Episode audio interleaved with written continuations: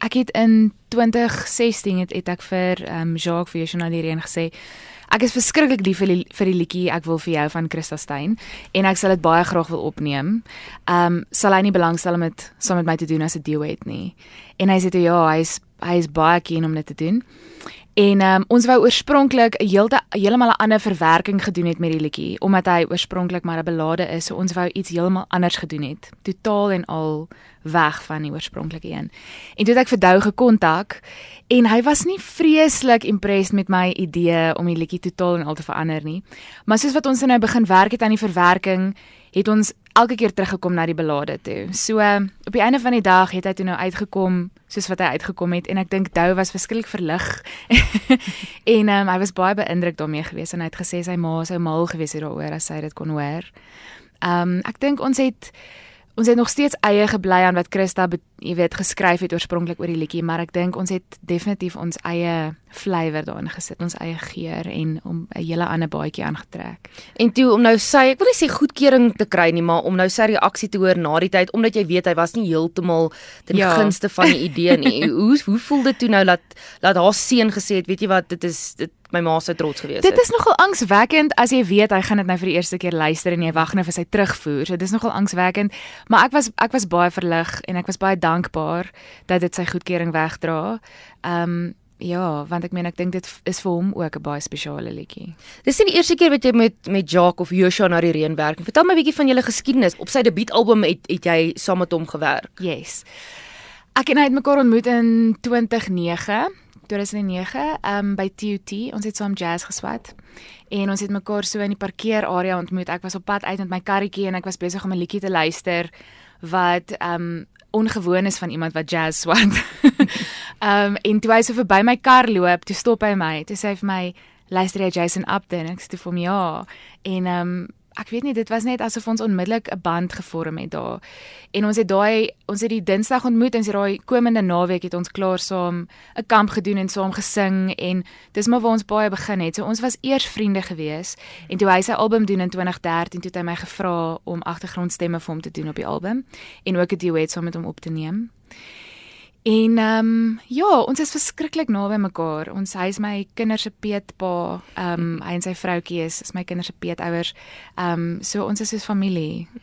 So. Dit is toe die land die eerste keer regtig jou stem be bekend geword het met jou stem. Ja. Maar soos jy sê, jy jy het geswat by TUT, dis ook my ma alma mater, ek het daar drama geswat. Is dit? en um vertel my van die die keuse toe om nou jazz te gaan swat. En ons 'n klomp musikante ons plaaslike musikante wat daai roete gestap het mm. en meer populêre musiek maak. Ja. Um ja, daai invloed. Vertel my van daarvan. Ek dink as jy 'n formele opleiding in musiek wil wil hê, um afgesien nou van die van die nuwe colleges wat nou onlangs opgepop het oral, ek dink is wonderlik, maar in in daai tyd was daar basies maar net of jy kon klassieke musiek gaan swat by Tikkies of jy kon jazz gaan swat by TUT. Dit was kind of my opsies. Um en daarom omdat ek gesien het hoeveel musikante in in in die industrie werk wat van die van TUT afkom, was dit vir my 'n natuurlike keuse geweest om want ek wou nie regtig in die klassieke musiek ingaan nie. So um Ja, ek het in my eerste jaar was dit vir my 'n vreemde ding want ek ek was nie gewoond aan die klank van jazz nie. So dit was vir my nie baie mooi nie. Hmm. ek dink ek het in my tweede jaar eers begin waardering kry vir jazzmusiek. Um en nou is ek verskriklik lief daarvoor. Um maar ja, dit was Ja, dit was maar die natuurlike keuse tussen die twee opsies. Dis snaaks dat jy dit sê want Anna Davel het ook by TUT Jazz geswat en sy sê ook haar eerste dag in 'n klas het sy gegaan. Hierdie is 'n klomp gemors. Ja, en sy sing nou sy doen nou so baie jazz programme, ja. is ongelooflik hoe mens lief word daarvoor. Ja. Uh Lisandra, sal jy sê jy voel jy het 'n voordeel in die bedryf omdat jy formele opleiding het? Ek dink absoluut so. Ek dink ehm um, vir al as 'n sanger, as jy as jy byvoorbeeld gaan vocal swat wat ehm um, nie baie sangers het byvoorbeeld um die agtergrond om musiek te kan verwerk nie of om musiek musiek te kan skryf nie of verstaan hoe werk akkoordprogressies of verstaan hoe werk um die verwerking met die instrumente byvoorbeeld en as jy byvoorbeeld vir 'n kitaarspeler sê jy wil 'n liedjie eh, cover byvoorbeeld um om vir hulle te kan sê wat se sleutel jy dit wil doen om jou om jou instrument as 'n as 'n vocalist jou instrument te ken. Um ek dink ek sou dit absoluut heeltemal gemis het as ek nie gaan musiek swat het nie. Ehm um, ja, ek as ek net dink waar ek was um, in my kop voor ek gaan musiek swat het. Ek meen mense is baie onkundig en die die ding van daar's 'n gesegde wat sê the thing about ignorance is you don't know that you're ignorant. Mm. You're ignorant ignorant about being ignorant, jy mm. weet. So um, ek is dankbaar dat ek daai opleiding gehad het en um, mense besef soos wat jy dieper en dieper delf in die musiek in, hoe min weet jy eintlik. Daar's altyd nog iets om te leer.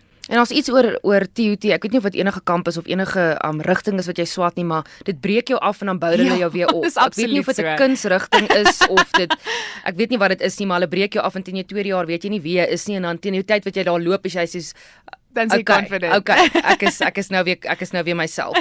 jy doen nie net covers nie, jy skryf ook jou eie musiek. Ja. Waaroor skryf jy? Watter stories wil jy vertel met jou met jou musiek want daar's 'n uh, 'n stukkie wat jy gesê het wat ek raak gelees het, dat jy sê as mense kan besef waar die lewe gaan as ek dit nou reg verstaan of as dit hulle kan raak op 'n manier, um dan dan voel jy die musiek het gedoen wat dit moes gedoen het of jy sal mm. voel, weet ek het ek job well done. Ja. Ehm um, dink dit is ook een van die goeters wat ek as ek nou myself moet vergelyk voor ek gaan musiek swat het, die goeters waaroor ek geskryf het. Ehm um, ek is eintlik so dankbaar dat ek hierdie pad gestap het want ek het eintlik eers op 23 begin ehm um, swat. So ek is al ek is al 'n mamma van 2 en my my pad was van so aard dat ek baie lesse kon leer en en woestyntye en winterseisoene moes deurgaan om te leer wat ek moes leer. En ek dink van daardie plek is dit baie makliker om dan te skryf uit jou ervarings en jou lewensondervinding as wat jy byvoorbeeld nat agter die ore is eerste jaar uit skool uit. Jy weet waar skryf jy dan? Jy weet nie regtig waar gaan jy lewe nie. So uh, mense se verhale inspireer my verskriklik baie. Ehm um, daar's 'n liedjie op my album met die naam Trane dans wat geïnspireer is deur 'n vriendin van my wat haar been verloor het. En sy was 'n danseres gewees. Ja. En ehm um, so haar storie het my verskriklik geïnspireer om daai liedjie te skryf. Ehm um, my kinders inspireer my verskriklik. Daar is twee liedjies wat ook aan my kinders opgedra is op die album. En dan ehm um, goed soos gelykheid in ons land en rasisme byvoorbeeld. Ehm um, daai is goeders wat ek voel aangespreek moet word. Ehm um, so dit is altyd baie sterk op my hart om oor sulke tipe temas te skryf, ongemaklike goed waar mense nie altyd wil praat nie.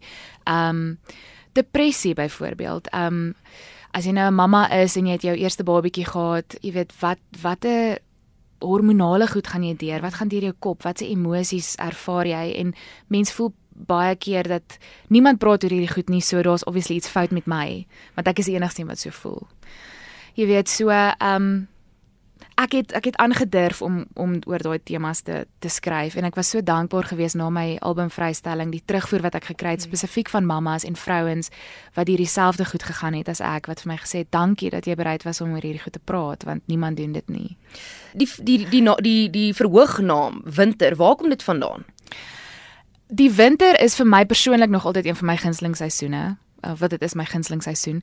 Maar ek dink in my in my lewe was daar baie wintertemas. Soos wat ek vroeër gesê het, die pad wat ek gestap het was nie altyd ehm um, was nie altyd lekker nie. Daar was regtig tye gewees wat ek gevoel het ek is absoluut in die woestyn.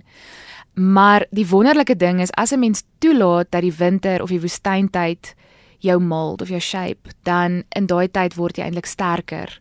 Ehm um, so 'n boom moet byvoorbeeld deur die winterseisoen gaan sodat sy wortels weer in sterkte kan groei sodat in die lente hy weer kan kan blare en en blomme dra. Ehm um, en dit is my 'n baie mooi illustrasie gewees van my eie lewe en dit is hoekom ek die verhoognaam aangeneem het. Sê vir my um vinnig om jou af te sluit, wil nie vinnig nie. Ek wil net weer hoor jy jy't 'n man, jy twee klein kindertjies, jy het gesê 10 maande en 3 jaar oud. Ja. Hoe toer mens as jy 'n gesin het? Dis baie baie baie challenging. Um ek moet met jou eerlik wees. Um my ouers help verskriklik baie met my kinders uit. So ek is baie dankbaar vir my ma en my pa. My kindertjies is baie lief vir hulle ook. So daar is Matye wat hulle by ouma en oupa moet woon. Um maar ek en my man ek weet nie ons maak dit maar werk tussen die twee van ons. Gewoonlik sal daar 'n tweede of 'n derde persoon saam met ons toer wat na die kinders kyk of my man sal na die kinders kyk terwyl ek onderhoude doen of jy weet saam met die band optree. So ons maak dit maar werk. Dis nie daar is nie een manier, daar's nie een resep nie. Jy weet ons we play it by ear. 'n Kunstenaar bly tog 'n mens en mens vergeet soms dat musikante ook families het, gesinne, hulle dieselfde tipe goed as wat die alledaagse ja. mens het en sing is ook net hulle werk. Ja, dit is so En ek dink mense vergeet soms dat ehm um, die werk wat want jy sien byvoorbeeld die kunstenaar vir 'n uur op die verhoog, maar die werk wat in dit ingaan om daai vertoning saam te sit mm. en daai liedjies te geskryf het, was soms 'n jarelange proses. En ehm um, so ek wil mense regtig aanmoedig om kunstenaars te ondersteun deur om hulle series te koop en hulle vertonings by te woon want dis dit is ons brood en botter is al wat ons het van te leef. Waar kan ons luisteraars jou volg op sosiale media? Is jy baie aktief daal? Ek is nie vreeslik aktief op Twitter en op Instagram nie. Ek word nogal gereeld oor die vingers getik daaroor, maar ek is redelik aktief op Facebook. So uh, mense kan gaan kyk onder Lisandra Winter op Facebook. Ehm um, so elke nou en dan sal ek ietsie op op Instagram share wat ek dan nou op Facebook ook sit. En dan my webwerf is www www.lisandrawinter.co.za, maar my album is ook op Joshua Direen se webtuiste beskikbaar, so hulle kan dit daar ook gaan gaan koop.